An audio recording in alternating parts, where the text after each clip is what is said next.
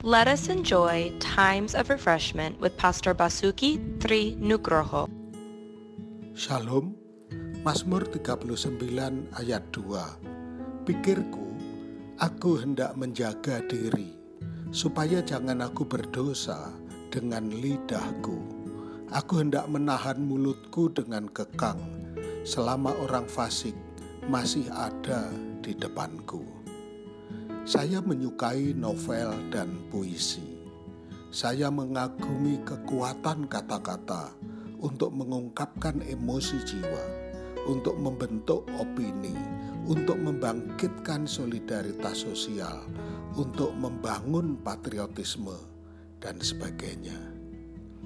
Saat ini kita memiliki berbagai perangkat teknologi untuk memudahkan kita menyampaikan pesan kita kepada seseorang atau kelompok orang, telepon, media sosial, internet, dan sebagainya.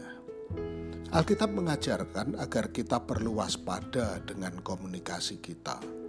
Paulus menyampaikan, "Hendaklah kata-katamu senantiasa penuh kasih, jangan hambar, sehingga kamu tahu bagaimana kamu harus memberi jawab kepada setiap orang."